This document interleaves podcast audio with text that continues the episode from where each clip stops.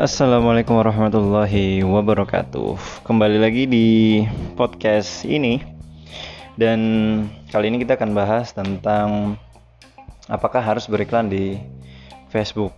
Nah, sebenarnya ini bukan hanya beriklan di Facebook, tapi apakah kita harus beriklan di Facebook, di Google, di dan platform digital lainnya. Intinya adalah apakah kita harus beriklan secara online atau digital juga. Nah, saya mau cerita bahwa sejak tahun 2016 saya sudah mengurusi periklanan-periklanan seperti ini untuk ini kecantikan. Jadi sejak 2016 kita pertama kali mulai justru bukan dengan Facebook Ads, tapi dengan brosur sebagaimana kita pada umumnya ya mengerti harusnya seperti apa. Maka kita bikin brosur, kita cetak brosur, dan kemudian uh, kita memikirkan bahwa kira-kira di mana ya kita harus membagikan brosur ini. Tuh. Dan ketika kita memikirkan bahwa kayaknya uh, audiens kita adalah mahasiswa gitu kan maka tanpa pikir panjang oke okay, kita bikin list kampus-kampus mana aja yang sekiranya bisa kita kirimkan brosurnya. Kemudian kita buat janji dengan para karyawan semua, oke kita akan ke kampus A, B, C dan seterusnya. Dan perlu dan yang perlu kalian tahu bahwa kota tempat saya jualan atau usaha ini bukan kota yang besar, bukan seperti Jabodetabek, juga bukan seperti Bandung.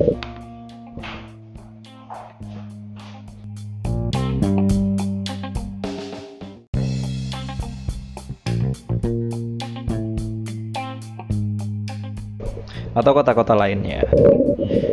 Ini adalah kota salah satu kota di daerah wilayah Papua yang memang secara penduduk tidak terlalu banyak tapi memang cukup heterogen.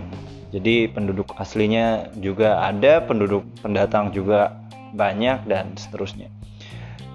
Dan kemudian kita membagikan brosur itu ke kampus-kampus. Sayangnya kita tidak tahu kalender akademik. Dan kita mungkin juga tidak tahu bahwa pada saat itu kampus sedang libur. Kampus tutup dan ada yang juga masih ke kampus. Pada saat itu kita lihat hanya saja urusannya mungkin untuk skripsi dan lain sebagainya. Intinya mayoritas mahasiswanya itu tidak ada. Nah karena kita udah kepalang keluar udah kepalang ini akhirnya ya udahlah kita bagi di mana gitu. Kita memutuskan untuk membagi ke suatu tempat di mana anak-anak muda biasanya ngumpul di sana dan juga sesampai di sana ternyata ya memang orang-orang ya seperti itu aja. Bagaimana sih kalau kita terima brosur gitu ya? Orang ngasih brosur, kemudian orang terima dan ya udah mungkin kadang bisa langsung dibuang juga dan lain sebagainya. Sejak saat itu kita akhirnya memikir berpikir ulang tentang apakah iya memang harus bagi brosur? Atau apakah memang bagi brosur itu masih relevan untuk saat ini? Tapi kita kemudian coba untuk mencari cara lain. Kita mencoba membagikan brosur tetap membagikan brosur tapi ketika itu kita seperti doorstop di depan-depan toko dan waktu itu penamp, apa kita coba untuk berpenampilan lebih baik selayaknya mungkin customer service atau beauty konsultan dan semacamnya kita sasarkan kepada ibu-ibu yang sekiranya memang secara ekonomi mampu. Dan alhamdulillah memang secara jumlah banyak gitu. Lumayan. Dari hasil yang kedua ini hasilnya lebih baik daripada yang pertama secara random hasil yang kedua jauh lebih kelihatan. Tetapi lagi-lagi rasanya tidak terlalu efektif. Karena lebih sering sepinya daripada ramenya. Dan tentu sebagai pemilik usaha kita pasti bingung ya. Kita pasti pusing kalau misalnya usaha kita tuh tidak seperti yang diharapkan. Dari segi traffic dan lain sebagainya.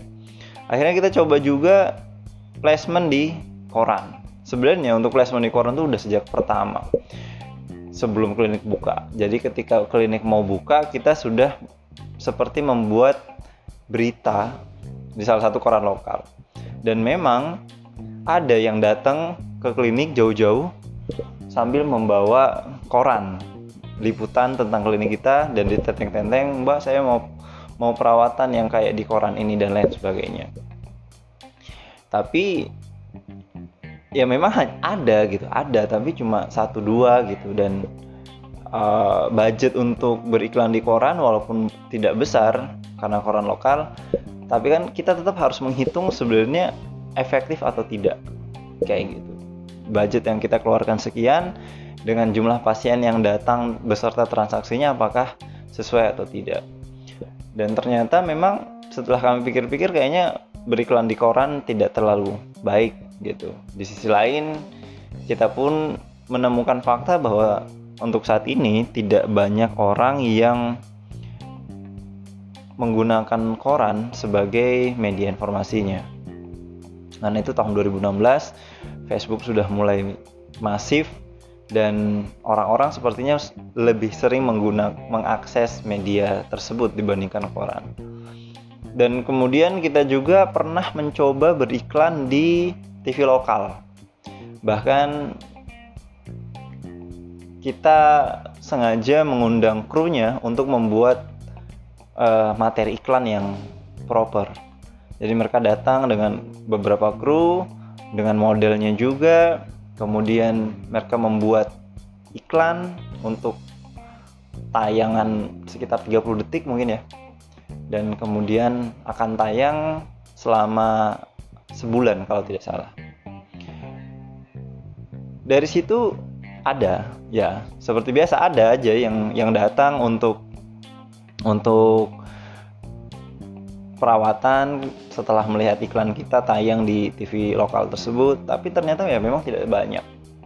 Akhirnya uh, karena ini usaha kakak saya sebenarnya dan saya membantu untuk membuatkan iklan membantu membuatkan konsep dan lain sebagainya. Uh, saya menawarkan kenapa kita nggak iklan di Facebook? Dia baru emang gimana caranya? Saya bisa gitu. Dan akhirnya singkat cerita saya buatkan sebuah iklannya. Dulu belum terlalu rame iklan Facebook dengan target klik to website karena saat itu setahu saya belum ada Facebook Pixel. Sehingga masih banyak yang belum berhasil. Akhirnya ya saya menggunakan Facebook Ads yang page uh, sorry bus pos ya PPE page uh, post per engagement. Nah kurang lebih gitu. Jadi kita buat iklan seperti mungkin foto atau video kemudian objektifnya atau goalnya adalah orang seberapa banyak orang komen like share dan semacamnya. Dan ternyata iklan tersebut lumayan lumayan membuat klinik rame.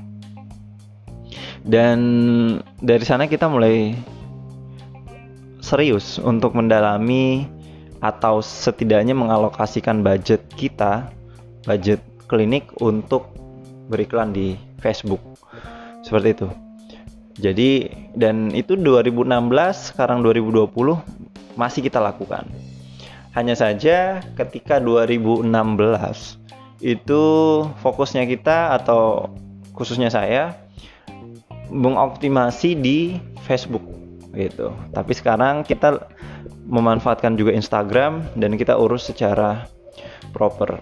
Nah, pertanyaannya kembali lagi, apakah perlu kita beriklan di media sosial atau platform digital?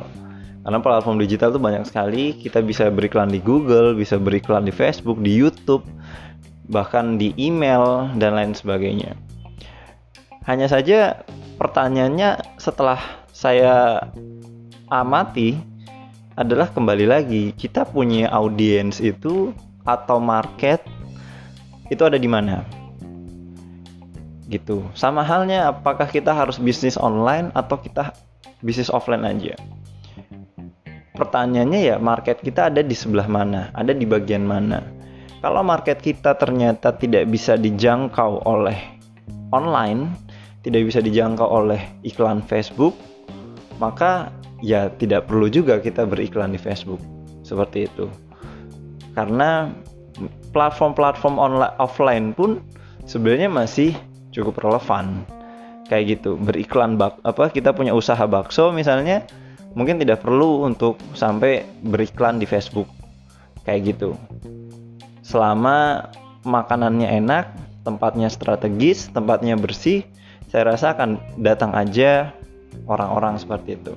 Di sisi lain mungkin juga akan kemakan budgetnya untung mungkin akan kemakan ke iklan Facebook gitu. Sehingga balik lagi nih ke audiensnya kita. Audiensnya kita itu siapa dan kira-kira mereka ada di mana?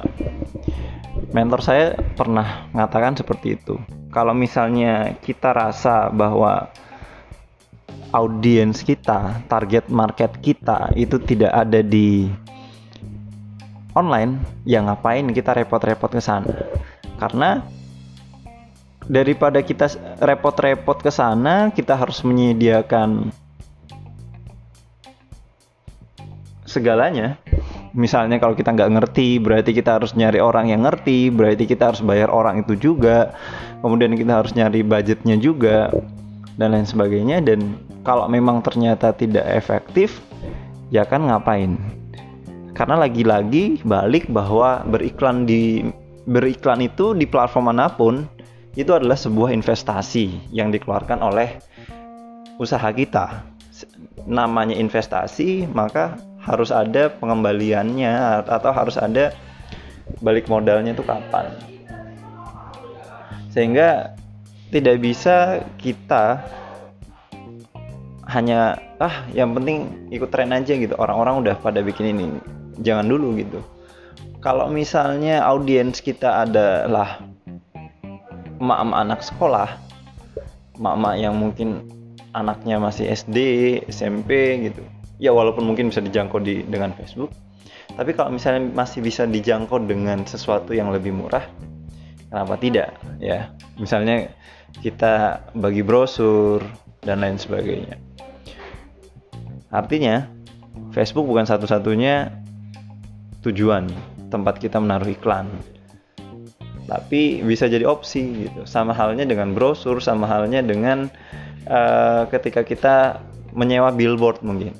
Kalau saya prinsipnya sederhana.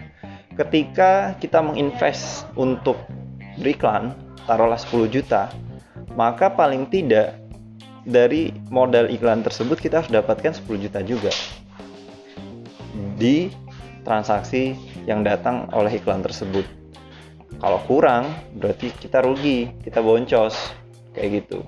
Sekarang ketika Anda mempunyai usaha dan Anda ingin masang billboard, misalnya yang harga per bulannya 40 juta, tapi dengan begitu Anda bisa mendapatkan penghasilan lebih dari atau omset lebih dari 100 juta, saya rasa itu tidak ada masalah. Kayak gitu.